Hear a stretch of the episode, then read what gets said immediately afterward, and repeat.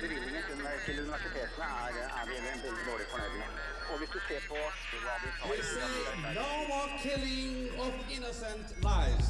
Ja, det, den saken eh, tapte vi i Soria Moria-forhandlingene. Det var aldri Men hvorfor tapte dere når alle er enige om det? Eh, Nei, det var ikke så stor enighet som det kunne Jeg tror du møter den tradisjonelle brytningen mellom individets frihet og samfunnets ønske om beskyttelse. Lokalt, nasjonalt, internasjonalt. Nyhetsdialog går i dybden.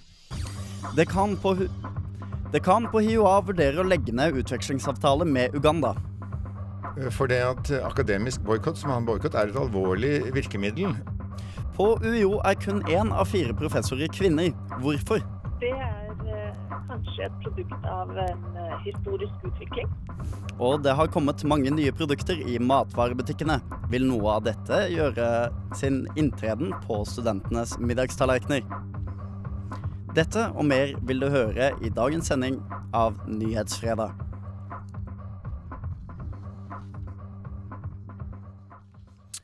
Hei og velkommen til Nyhetsfredag, studentenes aktualitetsmagasin her på Radio Nova FM 99,3 og på DAB. Denne uka gikk dekan Knut Patrick Hanevik på HiOA ut i nettavisa Krono og sa at de vurderer å stanse studentutveksling med Uganda. Dette pga. de homofiendtlige lovene i landet. Og han kommer i studio og forteller oss hvorfor dette er et godt tiltak. Det er kanskje ingen overraskelse at det store flertallet av norske professorer er menn. Dette har man forsøkt å gjøre noe med, men tallet på antall kvinnelige professorer har ikke steget nevneverdig. Ann Cecilie Bergene fra Arbeidsforskningsinstituttet kommer til studio for å gi oss svar. Studenter er ikke alltid kjent for å være de mest kreative i matveien, men i forrige uke ble det sluppet en mengde nye produkter i hyllene på norske matvarebutikker. Vår reporter Marte Aamodt har testet om noe av dette vil gjøre seg godt på din tallerken. Men først skal vi få et sammendrag av ukas viktigste studentnyheter ved Eirin Nilsen Vikøren. Nyhetsfredag gir deg ukas viktigste studentnyheter. Over halvparten av sykepleierstudentene ved Høgskolen i Oslo og Akershus strøk på eksamen forrige semester. Strykprosenten i innføringsevne er dobla fra året før. Vi har ingen god forklaring på det store skiljet mellom de to åra, sier Dag Karterud, instituttleder på høgskolen. Til høsten vil en splitte opp fagene i to eksamener, sier han. BI Studentersamfunn arrangerte vinterleker med sponsorinntekter fra det utenlandske tippeselskapet Betsafe. Det fikk Lotteritilsynet til å reagere. Studentersamfunnet trekker nå tilbake ulovlig reklame. Utdanningsinstitusjonene dekker jukseutgifter. I 2013 brukte Høgskolen i Oslo og Akershus, Universitetet i Oslo og BI 605 000 kroner på studenter sine advokatutgifter i samband med juksesaker. Utdanningsinstitusjonene er pliktige til å dekke utgiftene, sjøl der studentene er skyldige. Produsenten av Laban Seigemenn, Orkla, krangler med UiO. Seigemenn er en merkevare som ikke kan føres opp i ordboka som et substantiv, sier de. Seigt slikkeri forma som en mann, skildrer UiO og Språkrådet Seigemenn i bokmålsordboka som de nå gir ut. Vi ønsker ikke å tillate at merkevaret vår blir vatna ut. Derfor tar vi denne saka opp med UiO, sier Marte Schumacher, kommunikasjonsrådgiver i Orkla. Dette var ukas studentnyhende. Jeg heter Eirin Nilsen Vikøren.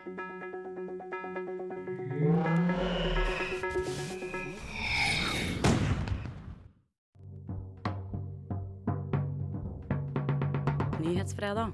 Fredager klokken 11 på Radio Nova FM 99,3. Nå nærmer det seg Norsk studentorganisasjons landsmøte i Tønsberg. Helga 28. til 30. mars vil omkring 250 delegater samles på hotell for å bestemme hva organisasjonen skal mene og gjøre neste år. Blant disse er det mange drevne representanter, men også noen nye. Blant de nye sitter det syv representanter fra Handelshøyskolen BI i Oslo. Skolen ble nemlig medlem fra 1.1.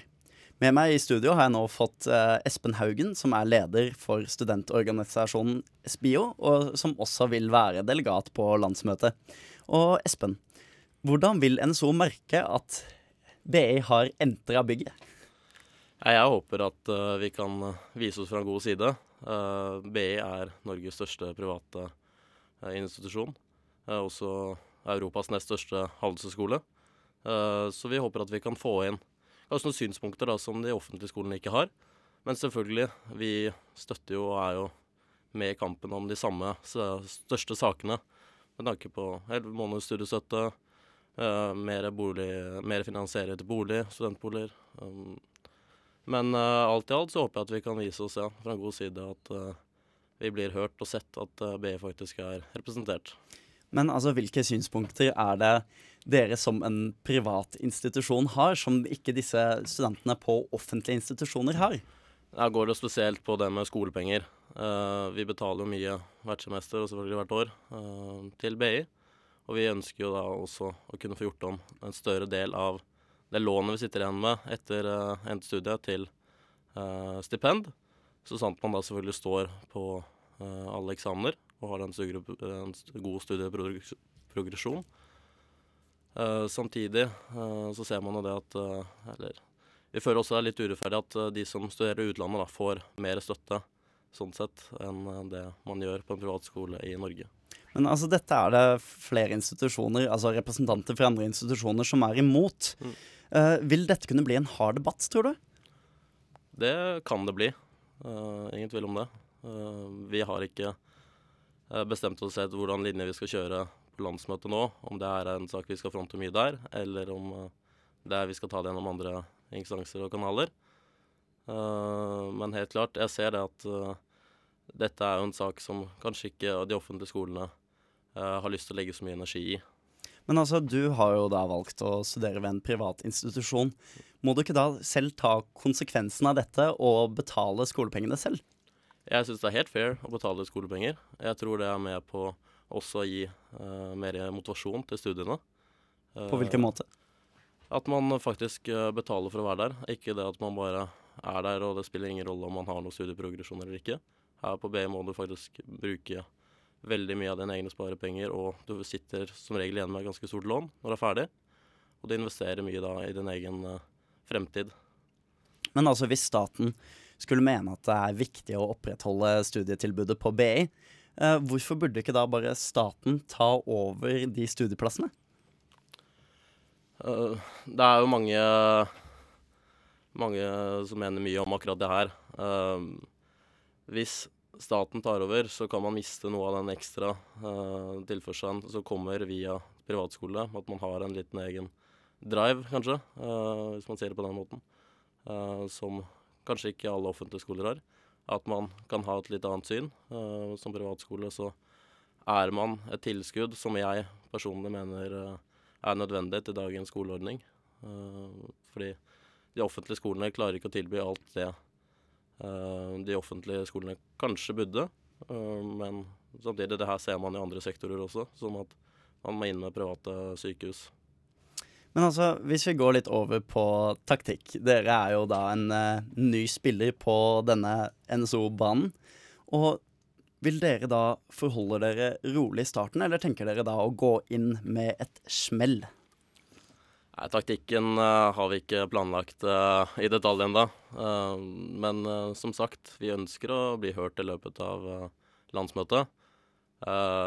vi vil nok ikke brase inn der i, høy hast. Men uh, i de sakene vi brenner for, så selvfølgelig kommer vi til å bli hørt, og vi kommer til å jobbe for å bli hørt. Uh, og så får vi se hvor godt gjennomslag vi får for det. Mm.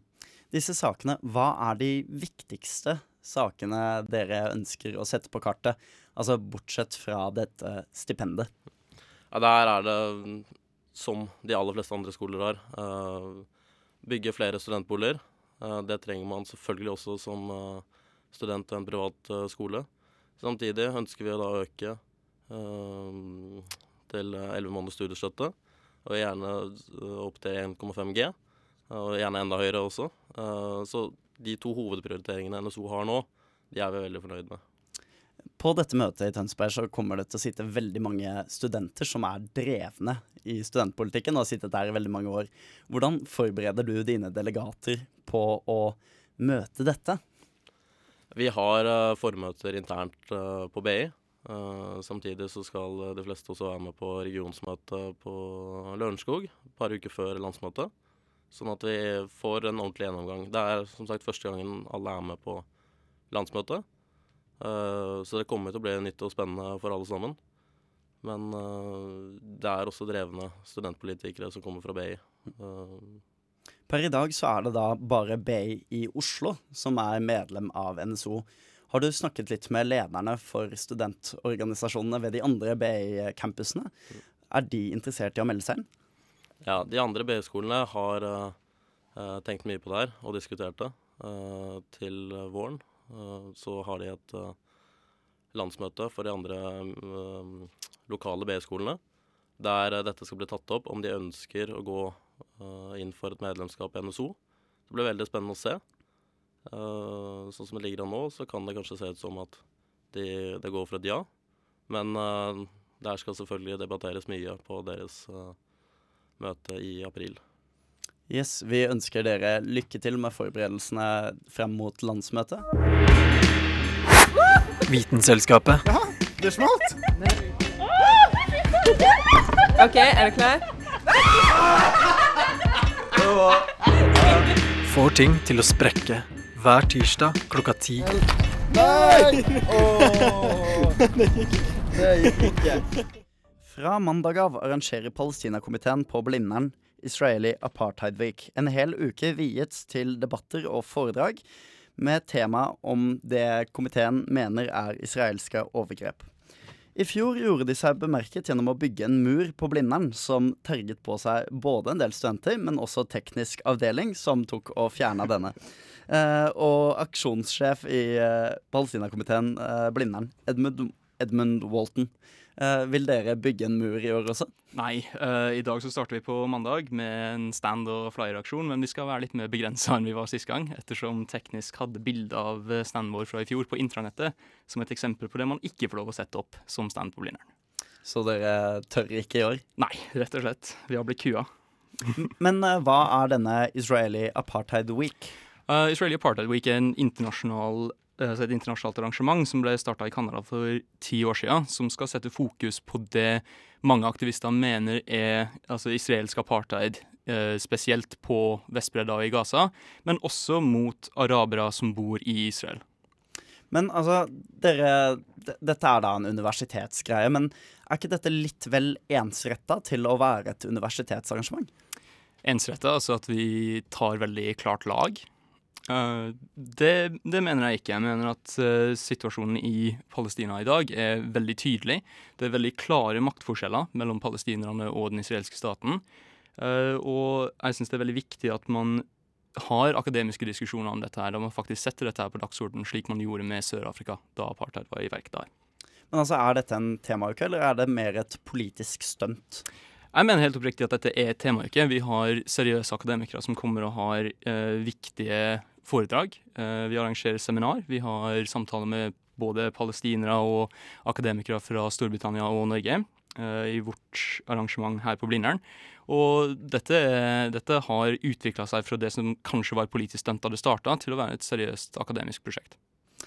Men uh, du er ikke redd for at dere vil uh, støte fra dere f.eks. israelske studenter ved å sammenligne situasjonen med apartheid? Altså Det er ganske sterke ordelag dere formulerer dere i? Eh, det er det, men til gjengjeld så bygger dette på en rekke erfaringer og internasjonale resolusjoner eh, som, som etter hvert har gjort det tydelig at det Israel gjør, spesielt i de okkuperte områdene, men også i eh, Israel, er en form for apartheid. Altså vil si at det er tvangsflytting av folk basert på etnisk tilhørighet, og også eh, mord og tortur og et systematisk dominanse av en etnisk gruppe over en annen. På Facebook-eventen skriver dere at om du synes Palestina-konflikten er kompleks og vanskelig, eller har sterke formeninger om hva som er rett og galt, vil programmet under Israeli Apartheid Week ved UiO være av stor interesse. Eh, tror du også studenter på høyresida vil komme? Uh, jeg tror ikke at Palestina er et høyre-venstresida-opplegg. Altså, jeg kjenner jo mange palestinaaktivister som, uh, som kommer fra både altså, som er apolitiske partipolitisk, eller som også kommer fra høyresida. Uh, det, er, altså, det er jo en overvekt av folk fra venstresida, det er det. Men altså, dette er en, dette er en brei politisk oppslutning om palestinerne sin sak, som vi ikke har lyst til å blande opp i norsk partipolitikk. Men altså, dere er ikke redd for at denne uka vil virke litt polariserende allikevel? Uh, nei, uh, selv om den er det, vil jeg si. Altså, den, uh, den skaper altså, Den setter en viktig debatt på dagsordenen. det er ikke Målet er jo ikke å støte fra oss noen. Målet er å vise til våre erfaringer, andre sine erfaringer, med denne, med denne saka. Og vise til de konklusjonene som vi og andre har nådd. Og det kommer til å skape debatt, håper vi. Men altså, Fortell meg litt mer om programmet. Hvorfor skal jeg komme på Israeli Apartheid Week? Uh, vi, har et ganske, vi har et ganske allsidig program. Uh, vi skal ha to britiske akademikere som kommer, som heter Colin Green og Jonathan Rosenhead. Som Colin Green skal snakke om våpenhandel. Norsk, uh, altså, Norge selger jo våpen, og er en stor våpeneksportør. Så skal vi også ha en diskusjon om Norges rolle i våpenhandelen med Israel. Så skal Lars Gule og Jonathan Rosenhead snakke om det som er kjernen i Israeli Apartheid Week, altså den etniske uh, inndelinga av det historiske Palestina og kolonialiseringa av Vestbredda og Gaza, og også det øvrige historiske Palestina. Um, så skal vi vise en film som heter Nalin My Home, som handler om en landsby på Vestbredda som heter Nalin, uh, som har blitt omringa av det som da faktisk heter apartheidmuren. Um, og uh, som gjør det veldig vanskelig for folk i Nerlin å, å leve et normalt liv. Uh, så kommer det også en kar fra Gaza som heter Majed Abu Saleme, som er en journalist som skal snakke om uh, den totale mangelen på pressefrihet i Palestina, og også situasjonen i Gaza som har blitt veldig tilspissa. Og det meste vil foregå her på Chateau Neuf? nei, det meste foregår på SV. Eller alt foregår på SV. Vi har på ulike auditorium på SV. Mm. Men uh, vil vi ikke få se noen stunt? Altså, vil, vil Blindern ikke bli tapetsert med Israeli Apartheid Weeks-banneret dette året? Nei, Det kan ikke jeg si noe om, men de har jo hatt en veldig effektiv plakataksjon de siste par dagene. Der flere fra uh, Palestina-komiteen på Blindern har stilt opp, uh, og som vi har prøvd å få hengt opp på alle fakultetene. Israeli Apartheid Week altså, blir organisert neste uke, og på Blindern. Men det er fortsatt få kvinnelige professorer i akademia. Denne uka Nyhetsfredag går i dybden har det vært feminismeuke på Chateau Neuf, og det nærmer seg også 8. mars. Og da går vi over til akademia, fordi antall kvinnelige studenter har steget i et enormt tempo over de siste ti åra. Og i dag er det betydelig flere kvinner enn menn på auditoriene og lesehallene. Allikevel har andelen kvinnelige professorer stått omtrent på stedet hvil. På UiO er det kun 28% av professorene som er kvinner. Tallene har steget, men ikke akkurat nevneverdig. Og med oss i studiet har vi Anne Cecilie Bergene. Og er det få søkere, eller er det få som får jobb? Vi har egentlig ikke sett på antallet søkere og for så vidt uh, hvor heldige eller uheldige de er med, med å få jobb, men vi, vi har studert uh, tidsbruk i universitets- og høyskolesektoren for å se om det er noe med rammene rundt uh, arbeidet som kan legge noe Eh, føringer eller ha noen skeive kjønnseffekter, rett og slett, når det gjelder å kunne kvalifisere seg til å bli professor. Hvilke, hva er dere har kommet frem til? Altså Hvilke faktorer er det som spiller inn? Generelt så finner vi at gjennomsnittlig ukentlig arbeidstid eh, innenfor uh, universitets- og høyskolesektoren generelt, men spesielt innenfor de med førstestilling, er, er veldig høy. Så de oppgir at de bruker bortimot 50 timer i uka på, på arbeid. Og det er jo da 12-13 timer mer enn en vanlig, eller i hvert fall det som er tariffesta i det norske arbeidslivet. Og Det er da 13 timer som må tas ifra andre forpliktelser, f.eks. familie. Um, Men hvorfor slår dette hardere ut for kvinner enn for menn? Ja, det vi ser som, som, eh, er viktig i forhold til det kjønnsforskjellene, er at 57% av de mannlige førsteamanuensene de oppgir at de har en partner som jobber omtrent normaltid, dvs. Si rundt 40 timer, mens det gjelder bare 27% av de kvinnelige førsteamanuensene. Så det betyr at de har også partnere som jobber så mye at de kanskje ikke har så mye av fritida til å bruke på å kvalifisere seg til, til et professorat. Men altså, vi ser at denne tallene på andelen kvinner i akademia bare synker og synker dess høyere opp man kommer. Altså mm. Man har flere kvinnelige studenter, og så har man omtrent likeverdig andel av kvinner og menn mm. inne på når det kommer til stipendiatene. Mm. Og så synker denne gradvis ned til i underkant av 30 ja. Hvorfor er det sånn at dette plutselig slår inn, altså dette skillet mellom kvinner og menn? Hvorfor, hvorfor er det der? Nå, nå kommer jo jeg fra Arbeidsforskningsinstituttet, som vil lete etter svar eh, på det som har med, med arbeid å gjøre. Og ifra stipendiatperioden av så slår det jo inn at en har et pliktarbeid i tillegg til forskninga. Og de fleste i vår undersøkelse oppgir at mye av det som er den normale arbeidsdagen, dvs. Si mellom åtte og fire, det går med til administrasjon og det går med til undervisning eller annen form for, eh, for arbeid med studentene. Så hvis en ønsker å kvalifisere seg og få karriere, så er en nødt til å bruke da denne fritida på å lese seg opp og skrive artikler og på, på forskninger, rett og slett. Men dette argumentet har vi hørt før. Eh, dette totale arbeidspresset. Og det har også vært foreslått da å trekke flere av kvinnene ut av undervisninga for å få mer tid til forskning, å, for å avlaste tidsmessig. Men vil ikke dette sende ut et dårlig signal uh, ved å fjerne kvinnelige forbilder fra uh, auditoriene? Det tror jeg absolutt. Så jeg tror heller uh, noe av løsninga burde være at de ansatte var med i større grad og forhandla, eller iallfall diskuterte hvor mye uttelling disse aktivitetene utadrettede aktivitetene som universitetene også skal drive med, som undervisning egentlig skal være verdt i, i den store tidskabalen. Men man har forsøkt uh, flere prosjekter, bl.a. mentorordninger og tettere oppfølging av kvinnelige stipendiater, men dette har ikke gjort de store utslagene. Er dette feilslått politikk? Det er jo igjen eh, vanskelig å si, for karrierejag gjør jo at en ofte må bruke den fritid uansett. Og da hjelper det på en måte ikke å ha en mentor som kanskje også tar tid i arbeidstid. Altså En er nødt til å, til å, bruke kveldene på å leve etter de rådene som, som, eh, som en mentor kan gi. Så, men det er jo selvfølgelig også mulig å avlaste de oppgavene en har i arbeidstida. Og da har vi jo vært innom uh, hvor mye undervisninga skal telle i, i, den kabalen. Og rapportering er jo en annen ting som veldig mange reagerer på at stjeler tid. Og ikke minst å skrive søknader. Så gjør noe med de rutinene som gjør de litt lettere å bære og tar litt mindre tid. Det, det kunne jo fort ha hjulpet en del. Studentparlamentet ved Universitetet i Oslo har for et par år siden gått ut og ønsket seg radikal kjønnskvotering ved ansettelser av vitenskapelig ansatte. Er dette et tiltak som vil kunne bøte på kjønnsforskjellene? Kvotering vil jo, vil jo, gjøre det. Spørsmålet er jo hvordan jeg skal opprettholde den kvalifiseringsordningen som i hvert fall et professorat også innebærer. da. Eh, en, jo, en, skal jo ha den som hele tida er flinkest når en, eh, når en, eh, utlyser slike stillinger. Det ligger både en vurdering av egnethet som ansatt, men i tillegg en faglig vurdering. Og Den faglige vurderinga er jo både mer basert på skjønn, men, men, i tillegg vanskelig å kvotere. Hvis du har en mannlig kandidat som er bedre, så, så skal jo en egentlig følge, følge regelverket og, og dermed ansette den personen der. Da. Men når vi da snakker om publisering av forskning, så snakker man ofte om kvantitet.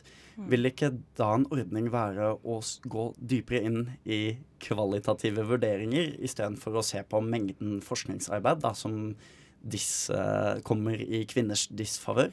Det vil absolutt kunne være en fornuftig ordning uansett, tenker jeg, men, men også i denne sammenhengen, ja. Mm. Tusen takk for at du kom i studio, Anne Cecilie Bergene. Etterpå skal vi snakke om det er et riktig tiltak å stanse utvekslingsavtaler med Uganda. Og da får vi Knut Patrick Hanevik og Jørn Vikne Pedersen i studio.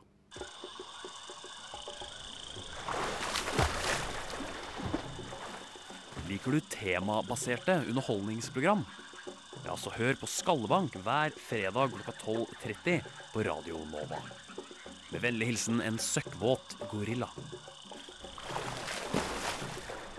Skallebank altså kommer rett etter vår sending. Og før det så hørte du Common med Absol. Eh, livssituasjonen for lesbiske, homofile, bifile og transpersoner i Uganda har blitt verre den siste tida. Landets regjering har strammet inn det allerede homofiendtlige lovverket ytterligere, og menneskerettighetsorganisasjoner er bekymra for sikkerheten til seksuelle minoriteter i landet. På høyskolen blir det nå vurdert å stanse utvekslingsavtaler med landet. Med oss i studio har vi nå Knut, pa eh, Knut Patrick Hanevik, dekan ved Fakultetet for lærerutdanning og internasjonale studier. Hvorfor vurderer dere å si opp avtaler?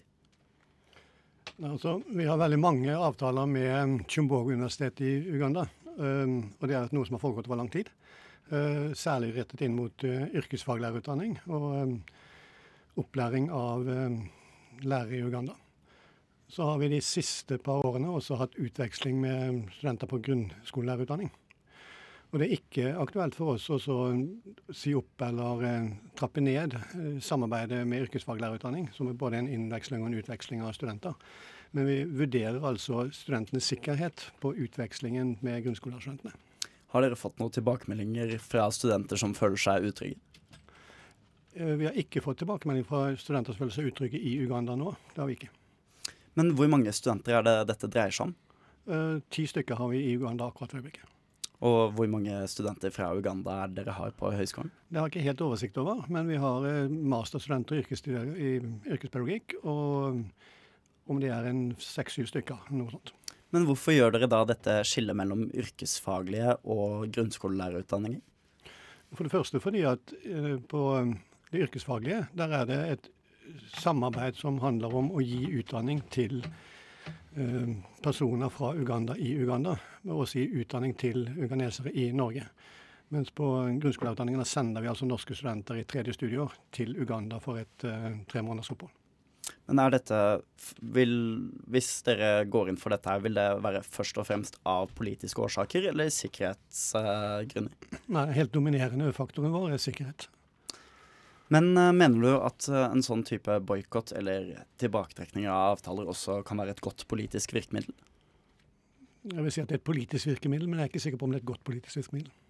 Med oss i studio har vi også leder for Studentenes og Akademikernes internasjonale hjelpefond, Jørn Vikne Pedersen. Eh, Er det å trekke tilbake utvekslingsavtaler et, eh, en god respons på situasjonen i Uganda? Eh, jeg vil nå som det ble sagt her nå tidligere, at egen sikkerhet bør stå i forsetet på alle norske utvekslingsavtaler. Men jeg syns det er veldig gledelig at uh, viktige deler av samarbeidet mellom HiOA og Shimbogo-universitetet fortsatt å blir opprettholdt. Hva kan norske studenter bidra med i eh, land der menneskerettigheter blir brutt på denne måten som foregår i Uganda?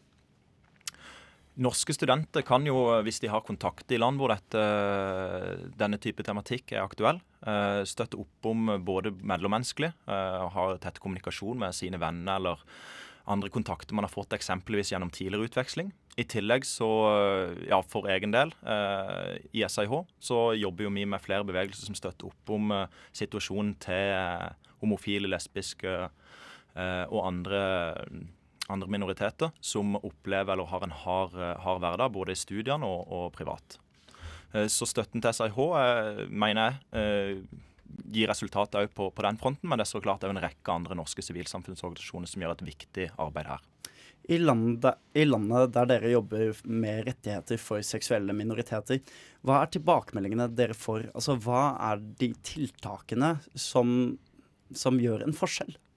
Eh, for å komme litt inn på hva norske eller skal en si myndigheter i Norge og resten av Vesten, hvis en tar kobler litt opp mot uh, Uganda igjen, så er det det er et problem, ikke sant? for en må sende, sende et klart signal om at denne type eh, lovforslag, eller lover som ikke er greit i det hele tatt eh, Denne loven i Uganda er utrolig problematisk, først og fremst fordi at man eh, kan faktisk få fengsel på opptil livstid. Og i tillegg så forbyr loven òg ugandere å ikke melde ifra dersom de kjenner folk som, som er homofile til myndighetene. Det som, eh, det som er problematisk med når man f.eks. trekker støtten uh, og kutter bistand uh, ene og alene uh, med argumentasjon om denne homofiendtlige loven, er det rett og slett at at, at man risikerer at homofile eh, får skylda for en enda verre situasjon eh, for da spesielt de fattige. Sånn at de opplever å bli enda sterkere diskriminert i sine, i sine lokalmiljøer.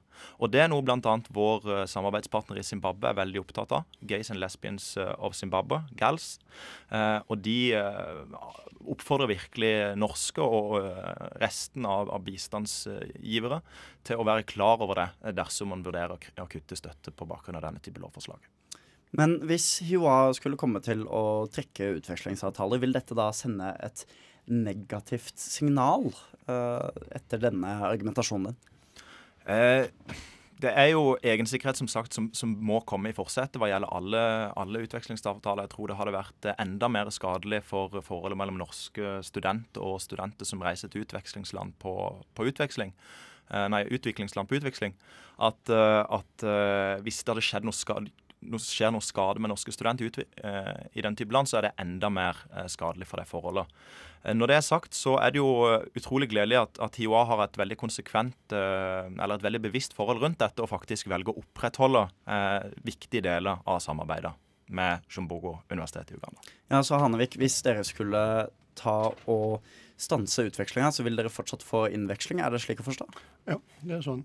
Og det er det der at, at Vi ser jo på at, at utdanning i seg selv er jo en del av det som bidrar til å få kritiske og kritiske røster i et samfunn. Så vi, vi går jo for utdanning som en uh, samfunnsdannende og kritisk faktor inn i et samfunn. Men det skal gjøres uten at det går utover sikkerhet i, i, i stor grad for de som er der. Og det er den balansegangen som vi hele tiden forsøker å komme i mål med. Sant? Hvor eh, å trekke oss helt ut og eh, kutte alle broer vil være helt feil med utdanning som et samfunnsdannende og kritisk perspektiv. Men samtidig så ivaretar vi sikkerhet på, på studenter. Og det er den balansegangen. Jeg har ikke tatt noen endelig avgjørelse på å si at vi sier opp avtalene, men vi er inne og vurderer hva skal vi gjøre i den situasjonen. For den loven som ble vedtatt er veldig omfattende, ikke bare på homoseksuell praksis, men det er jo, eh, som du sier, det er jo også det å si, promotere, det å være positiv til, det å ikke varsle om homofile. Og da kommer du i veldig vanskelige situasjoner. Den eh, lovforslaget oppfordrer jo i, si, i stor grad nesten til å, å få et angiversamfunn. Og det vil jo være eh, hva skal en si, Det blir eh, veldig viktig å se hvordan denne utviklinga nå går. Hvordan denne loven faktisk tar form, og hvordan det vil prege det ugandiske samfunnet framover. Så jeg tror det er viktig at, at Høgskolen i Oslo og Akershus, men òg øvrige utdanningsinstitusjoner i Norge følger nøye med på utviklinga i Uganda. Men Hanevik, et spørsmål til slutt. Har dere hatt noen erfaringer med studenter som kommer inn til HiOA, som har vært forfulgt, eller som har tilhørt seksuelle minoriteter i Uganda? Det har ikke jeg oversikt over om vi har eller ikke um, når det gjelder Uganda. For øyeblikket så har vi én um, score at risk fra Eritrea hos oss. Uh, vi har ikke tilsvarende fra Uganda. Og jeg kjenner ikke til om vi har noe med seksuelle minoriteter som er kommet pga. det. Hvis dere skulle få en student derfra, hva vil, vil dere da Altså, hva vil deres oppfølging være, eller vil dere gi noe spesiell oppfølging på dette? Det, det går jeg ut fra, men det må vi vurdere når, altså hva situasjonen er når vi får det. Um, så tror jeg også jeg vil si at vi har ikke Det er liksom det der med å promotere um, At det er feil å promotere liberale synspunkt, gjør jo situasjonen ekstremt vanskelig. Ja, jeg vil, som en kommentar... Og så er det også noe med, med, at jeg er ikke så veldig redd nødvendigvis for, at, for myndighetene, men jeg er ganske redd for den, det signalet myndighetene nå gir til befolkningen om hva som er på å si, tillatt aksjon. Eh, og det er jeg faktisk mer redd for enn at myndighetene går til arrestasjon. Men I tillegg, En i absolutt siste kommentar. Ja, jeg eh, mener at det er viktig å se dette her et, eh, si, et bredere perspektiv og gjelde menneskerettigheter spesielt. Eh, Prinsippet om ikke-diskriminering, som er i tråd med Ugandas grunnlov og landets internasjonale forpliktelse, må, må respekteres. Og det er òg viktig for andre som reiser, eller studenter som reiser til, til Uganda, å vite at f.eks. For, for kvinner så vedtok Uganda òg en, en veldig eh, streng lov hva gjelder bekledning for kvinner eh, nå like før jul. Det er en rekke ting hva gjelder menneskerettighetssituasjonen i Uganda som, som peker i feil retning.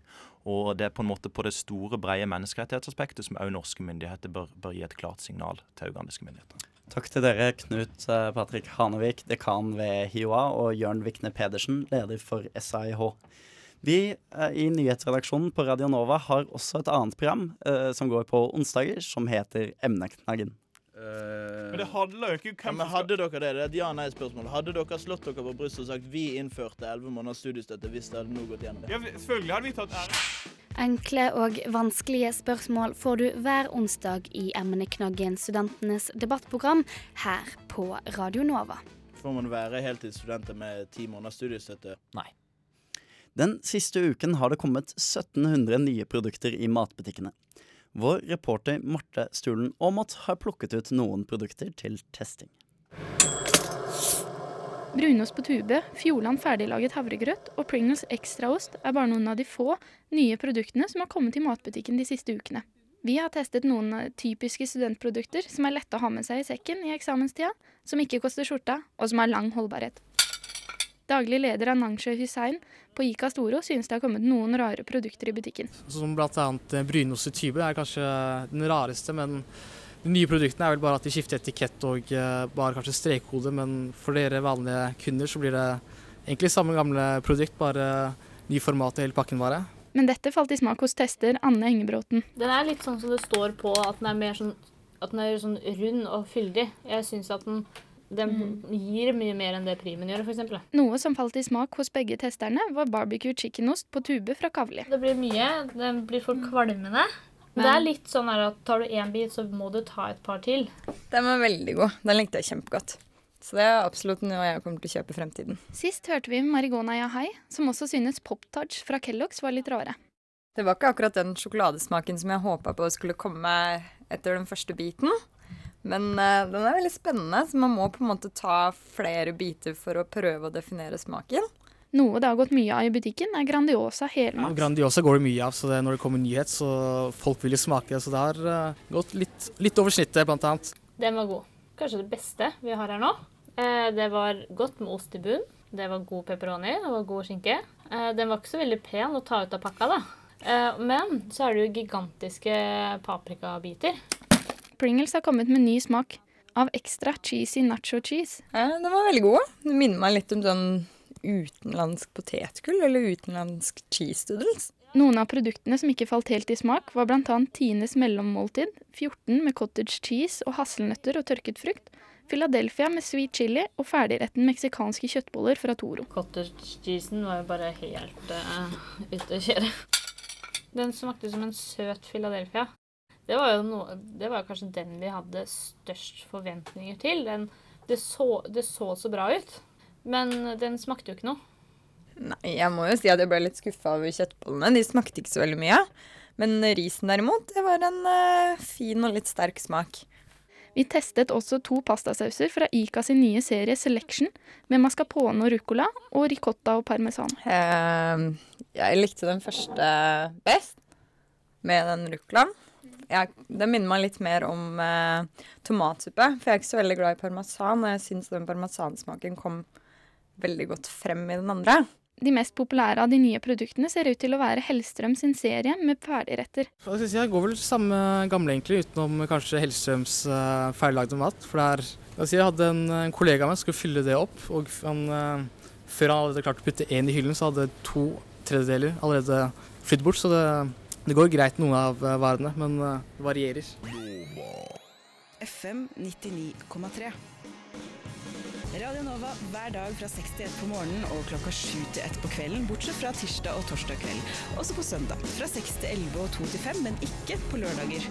Og hele tiden på radionova.no. I den forrige reportasjen hørte du da Marte Stulen Aamodt som sammen med Anne Engebråten og Marigona Yahai hadde testa seg gjennom de nye produktene som du nå kan finne i mathylla. Eh, Universitas kunne denne uka melde at 25-åringer med fagbrev tjener mer enn nyutdanna studenter. Radio Novas redaktør Erlend Buflaten reflekterer rundt dette i dagens leder. For tusende gang kan vi denne uka lese i Norges største studentavis at en akademisk utdannelse slett ikke er den rette veien om penger er det du ønsker mest av alt. For tro det eller ei, mennesker uten X-fil og X-fag kan tjene mer enn personer med en bachelorgrad i statsvitenskap eller juss. Det var sikkert et sjokk for Blindern-pampene, men tallene har vært åpenbare. En person som går rett ut i lære fra videregående, og deretter inn i fast jobb, har selvfølgelig høyere lønn enn en person som har brukt fem-seks år på et universitet med et par urelevante deltidsjobber å vise til. Bare det at en faglært har ansiennitet, gjør at lønnsforskjellene er store.